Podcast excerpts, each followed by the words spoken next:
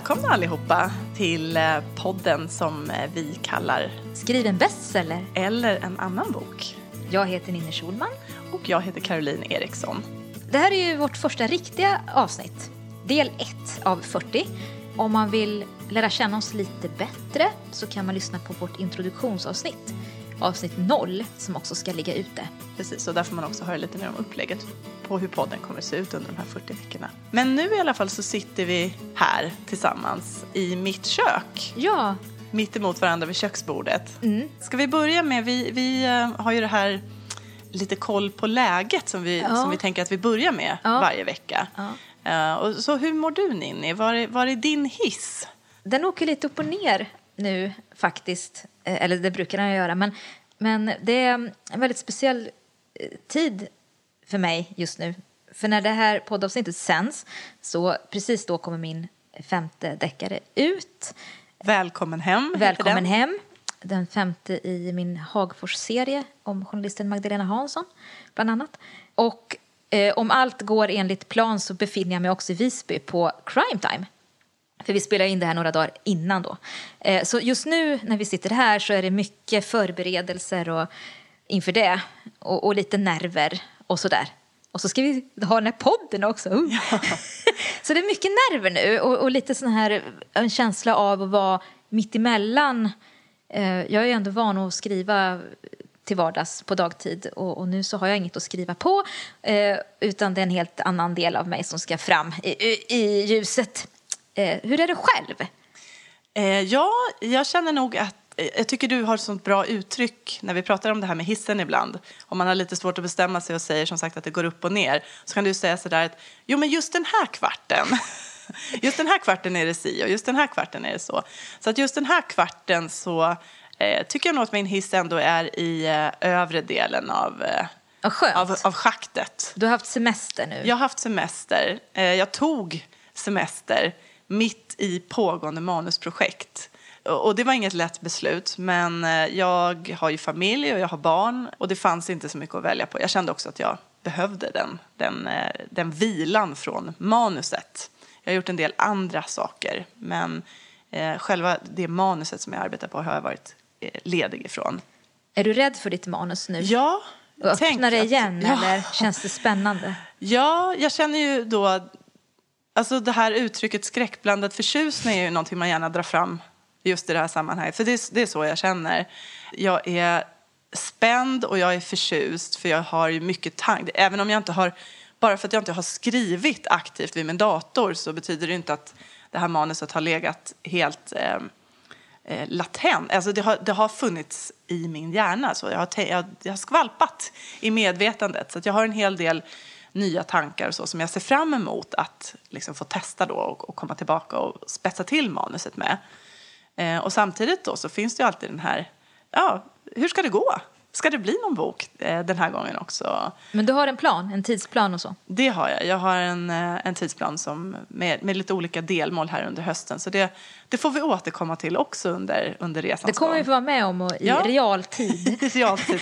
Och det är ganska stort för mig måste jag säga. För jag är ju ganska, eh, och det tror jag vi kommer, att- det kommer nog framgå ganska snart, att jag, jag är ändå ganska privat när det gäller min, eh, min skrivprocess och där. Så det här blir en utmaning för mig att, eh, att dela med mig av, eh, stegen här. Vi ska få kika över din axel lite. Ja, just det. Men det känns, och, det måste jag säga, att, att göra den här podden tycker jag känns otroligt lustfyllt. Det känns som en, en liten injektion i vardagen och, och jobbet. Så. Det är hur? nytt och spännande. Mm.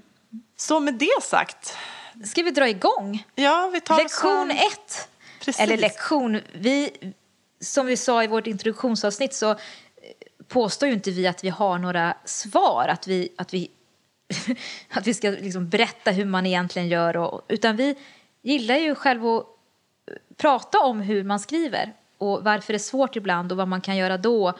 Och det är ju någon sorts magi i den här processen eh, och den vill vi prata om, bjuda Precis. in er till.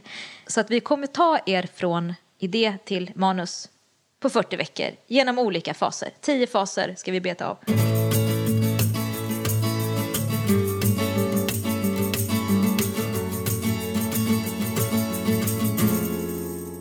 börjar ju med en idé, eller hur? Ja, precis. Allt, allt eh, startar ju någonstans och i skrivandet så behöver man ju en idé för att kunna komma någonstans. Och därför så har vi valt att ha idéfasen som den första fasen här. Och den kommer vi att prata om i fyra veckor. Mm. Två, två avsnitt, bara du och jag. Och så har vi en gäst. Och så har vi frågor och svar där också i det, det fjärde avsnittet som, där ni som lyssnare jättegärna får höra av er på vår eh, Facebook-sida eller på annat sätt så att vi kan ta tillvara era frågor. Mm. Men låt oss eh, sätta igång då. Vi tänkte ju försöka att fokusera i det här avsnittet på lite grann hur man får en idé eller olika mm. sätt att få en idé. Och då är jag ju lite intresserad av att höra med dig Ninni, hur, hur har det varit för dig? Alltså kan du berätta om hur du, alltså konkret hur du fick idén till någon av dina böcker eller när du fick en riktigt bra idé eller hur det är när du får en idé? Ja, men idéer kommer ju när man minst anar det egentligen. Det kan ju vara när man pratar med någon eller man läser något i tidningen och så.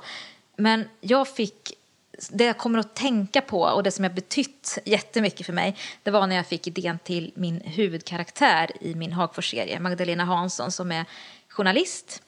Och jag hade innan dess försökt skriva jättemånga olika sorters böcker, men inte hade, jag hade liksom inget driv i berättelsen, jag visste inte riktigt. Men, men när jag kom på henne och hennes livssituation så kände jag att där i den formen så fanns det väldigt mycket jag kunde utforska som jag ville utforska. Och idén kom helt plötsligt när jag satt hemma i en fåtölj och virkade en mössa, många år sedan nu. Men hon bara dök upp och även då första scenen i första boken när hon Magdalena hon, hon eh, är uppvuxen i Hagfors. Det är inte jag, men hon är det. Hon är journalist. Och så hade hon då bott i Stockholm några år, hade jag kommit på. Och sen så i samband med en skilsmässa så flyttade hon hem tillbaka till Hagfors igen med sin adoptivson.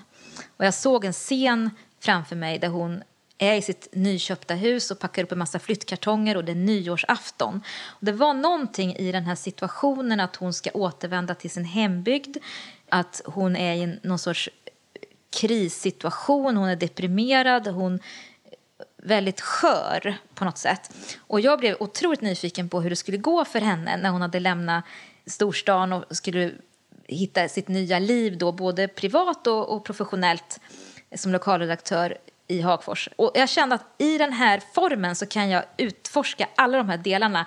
Det var glesbygdsproblematiken och journalistiken och spänningen och, och allting det där. Så att det var liksom som en tratt där jag kunde hälla alla andra idéer i och få ut någonting. Jag vet att det är en mm. dålig liknelse, men det var, det var liksom en, en grundförutsättning och det liksom pirra i hela kroppen. jag, jag, tänker på det igen då, så åh! Sen så återstod det ju jättemycket innan det blev en deckarintrig och det kom andra karaktärer, men, men någonstans, det var liksom en, en grund på något sätt. Vad har du för, för um, motsvarande, har, har du någon sån här extremt härligt exempel på när du fick någon sån här superidé?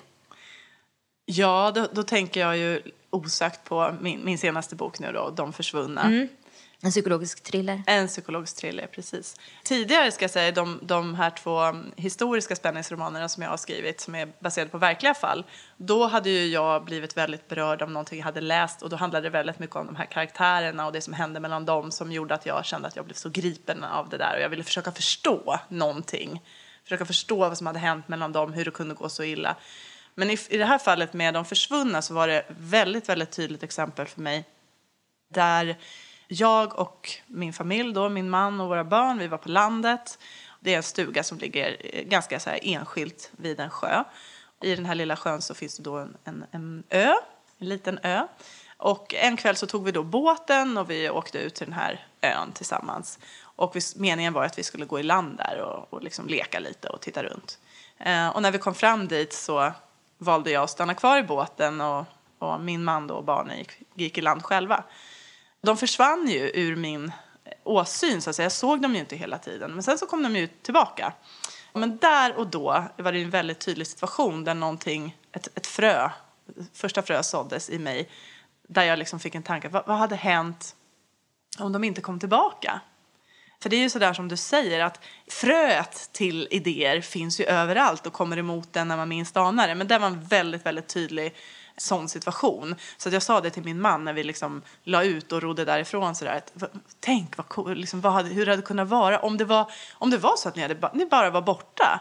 Vad skulle kunna vara förklaringen till det? Alltså man försvinner ju inte bara från en ö, det, det ska ju vara omöjligt. Så vad hade kunnat vara förklaringen, vad hade kunnat hända?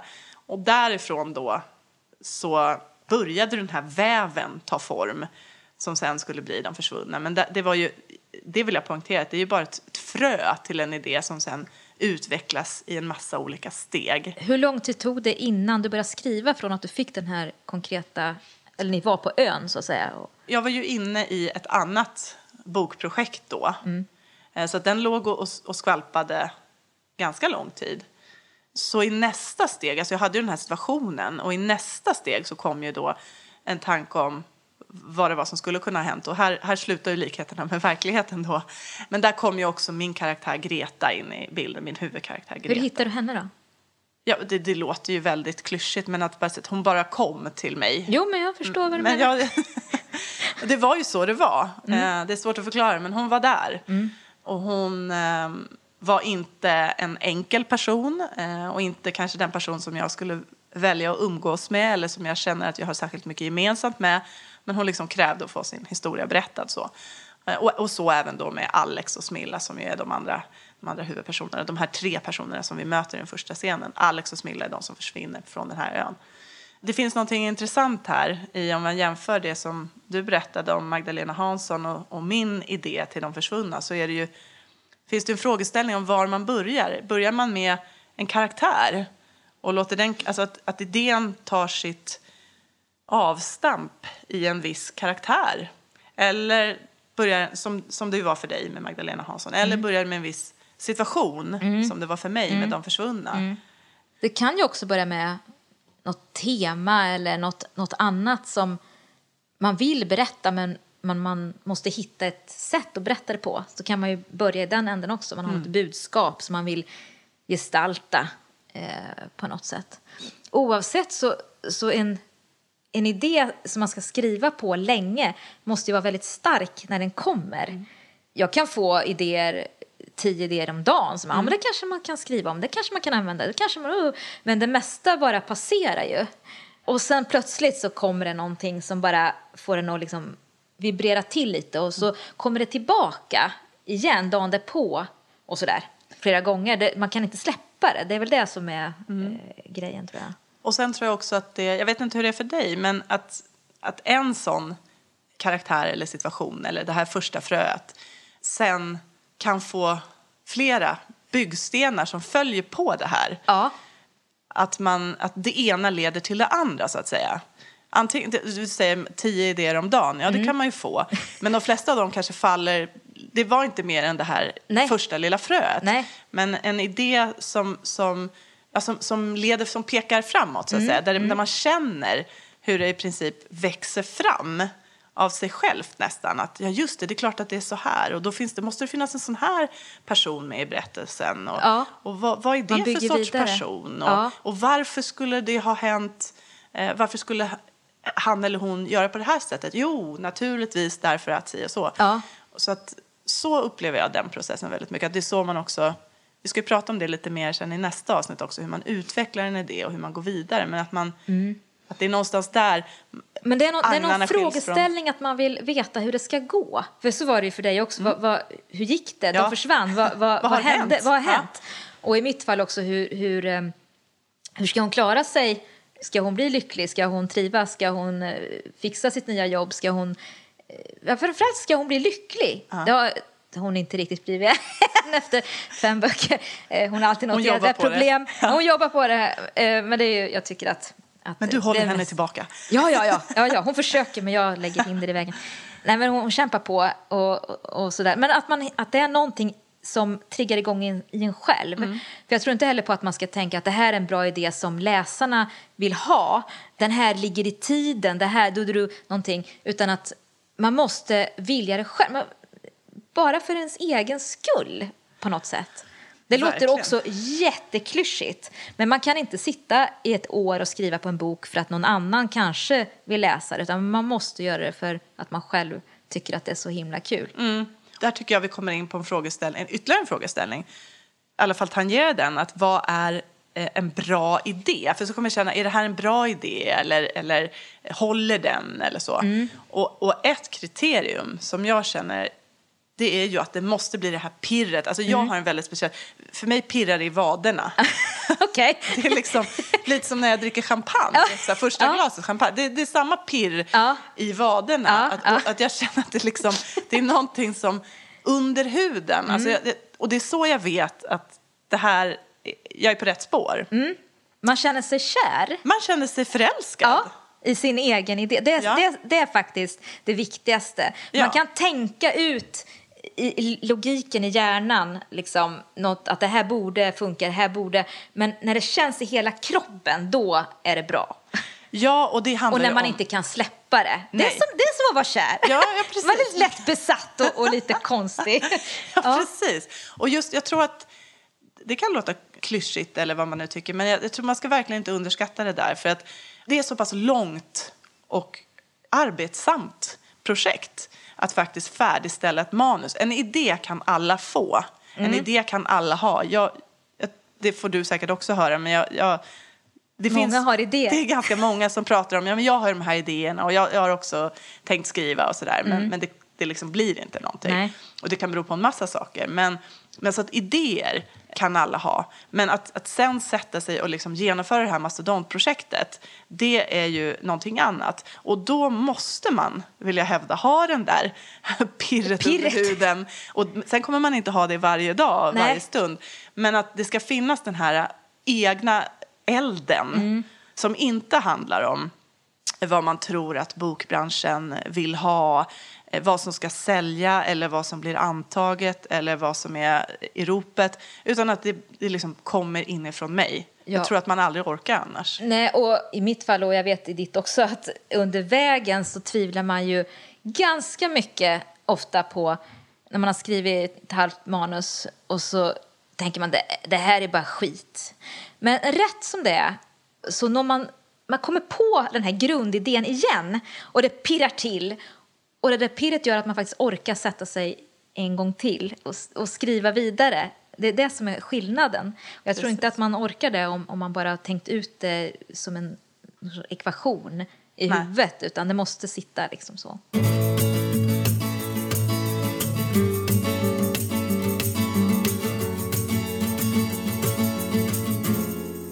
Vi har ju faktiskt en, En sponsor. sponsor. Och eh, då vill vi presentera Hedlund Agency. Hedlund Agency är ju en eh, litterär agentur som det kallas. Det är en agentur som företräder nordiska författare i bok och filmvärlden. Och de jobbar då framförallt med skönlitteratur för vuxna. Men det är både kommersiella böcker och eh, litterära romaner. De arbetar med både etablerade författare och debutanter. Mm. Och som av en händelse så är ju då Ninni Schulman en av författarna Ja, i deras tänk. stall. Ja. Vilken slump! Vilken slump, ja. Och då tänker jag så här, att, kan du berätta lite om eh, vad det har betytt för dig eh, att ha ett samarbete med Hedlund Agency? Att ha en agent som, som kan branschen, som har koll på eh, juridiska saker och, och kontrakt och sånt. Jag är ju urusel på sånt där. Eh, och samtidigt så de brinner så otroligt mycket för det de gör. Som författare är man ofta väldigt ensam. Det, det är svårt att ha koll på allt, men man har en agent så har man en vapendragare. Och det tycker jag de är jättebra som. Tack Hedlunds!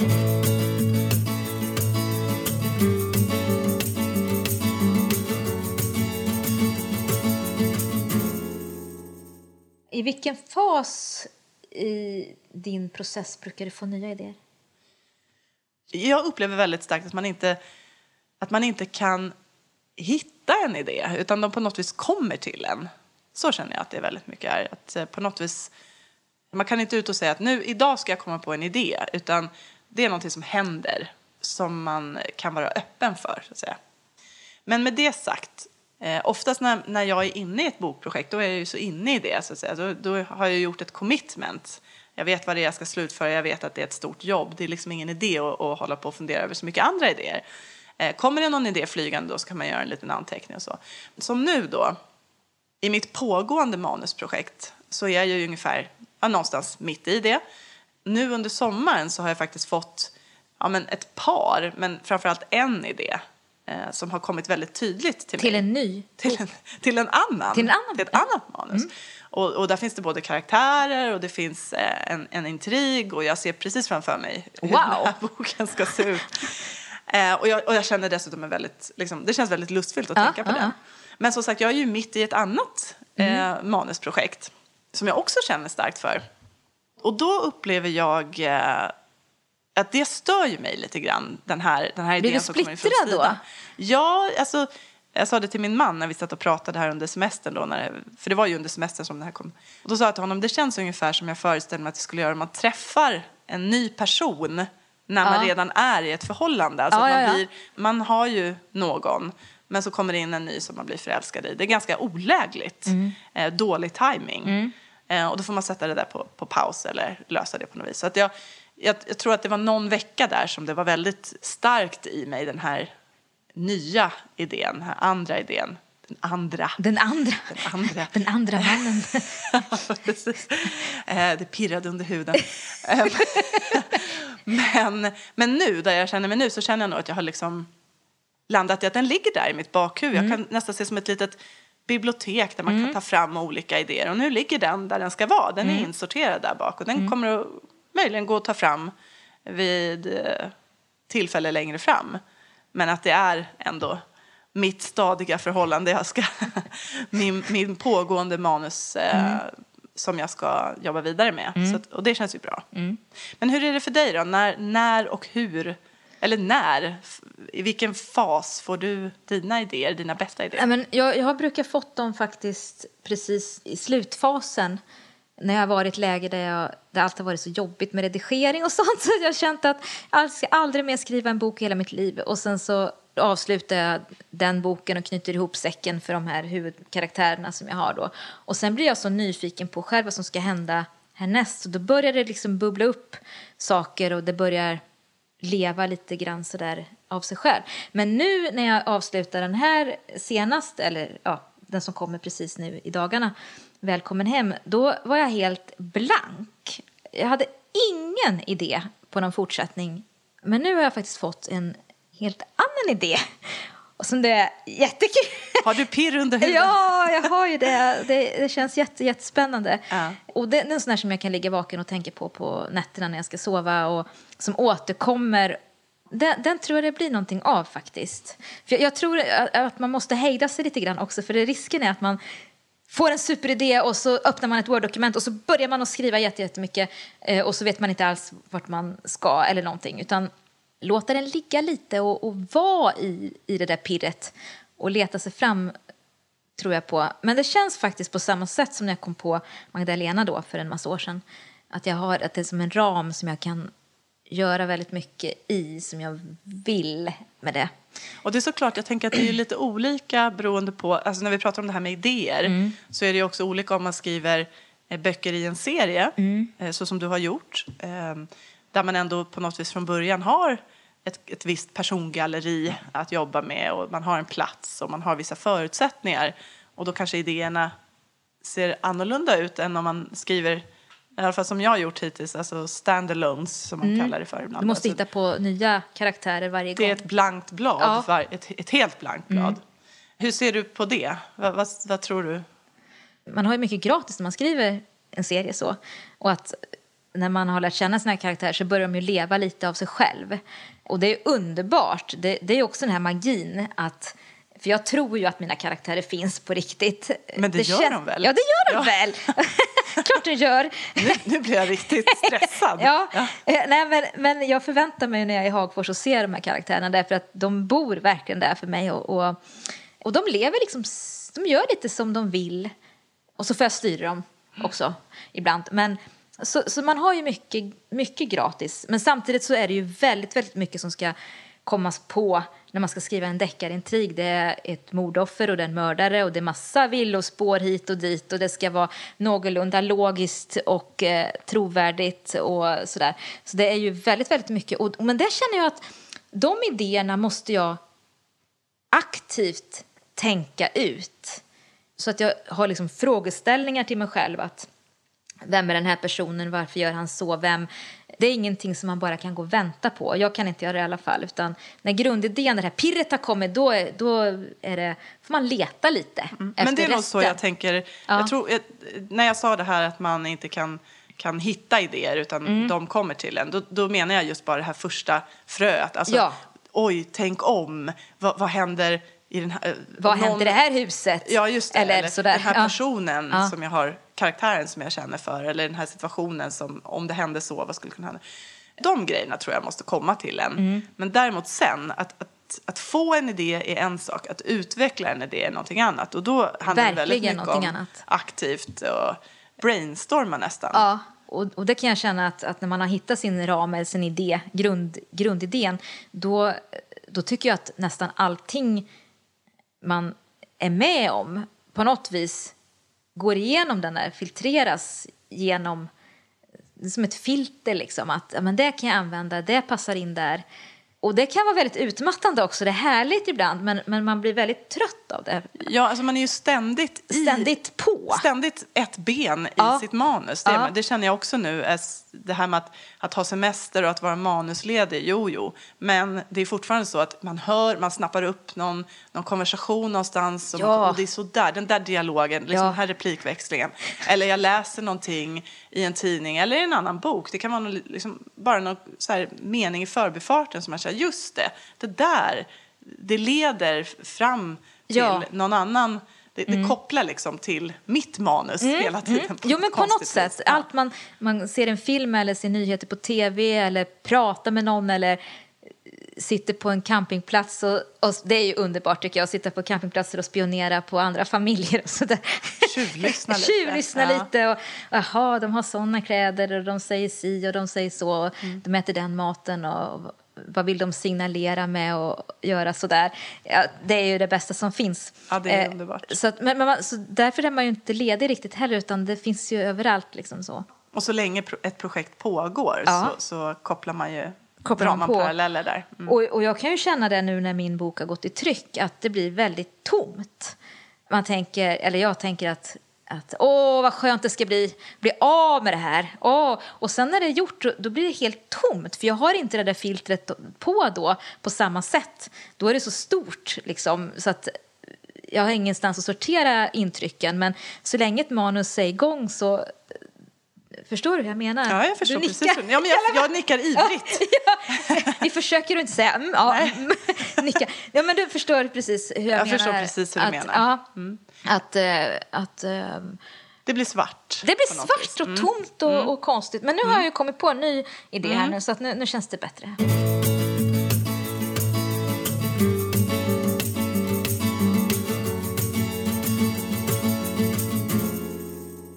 Ska vi eh, avslutningsvis då tacka våran eh, kära vän Timmy på poddbyrån ja. som ju hjälper oss med att klippa och eh, redigera och administrera och distribuera den här podcasten. Mm. Tack Timmy.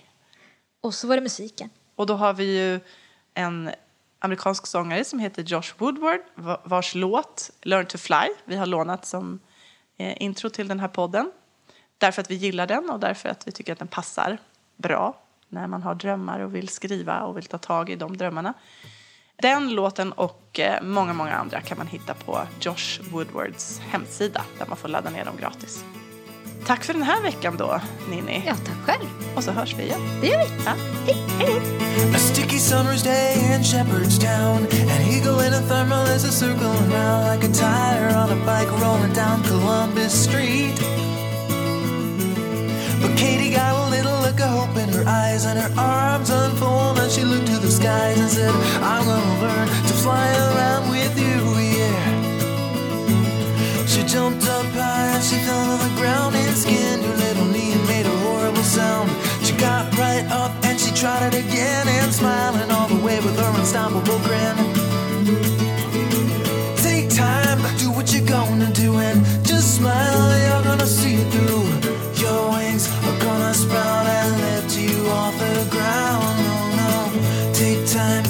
What you're gonna do, just smile. You're gonna see it through. Your wings are gonna sprout and you will learn to fly.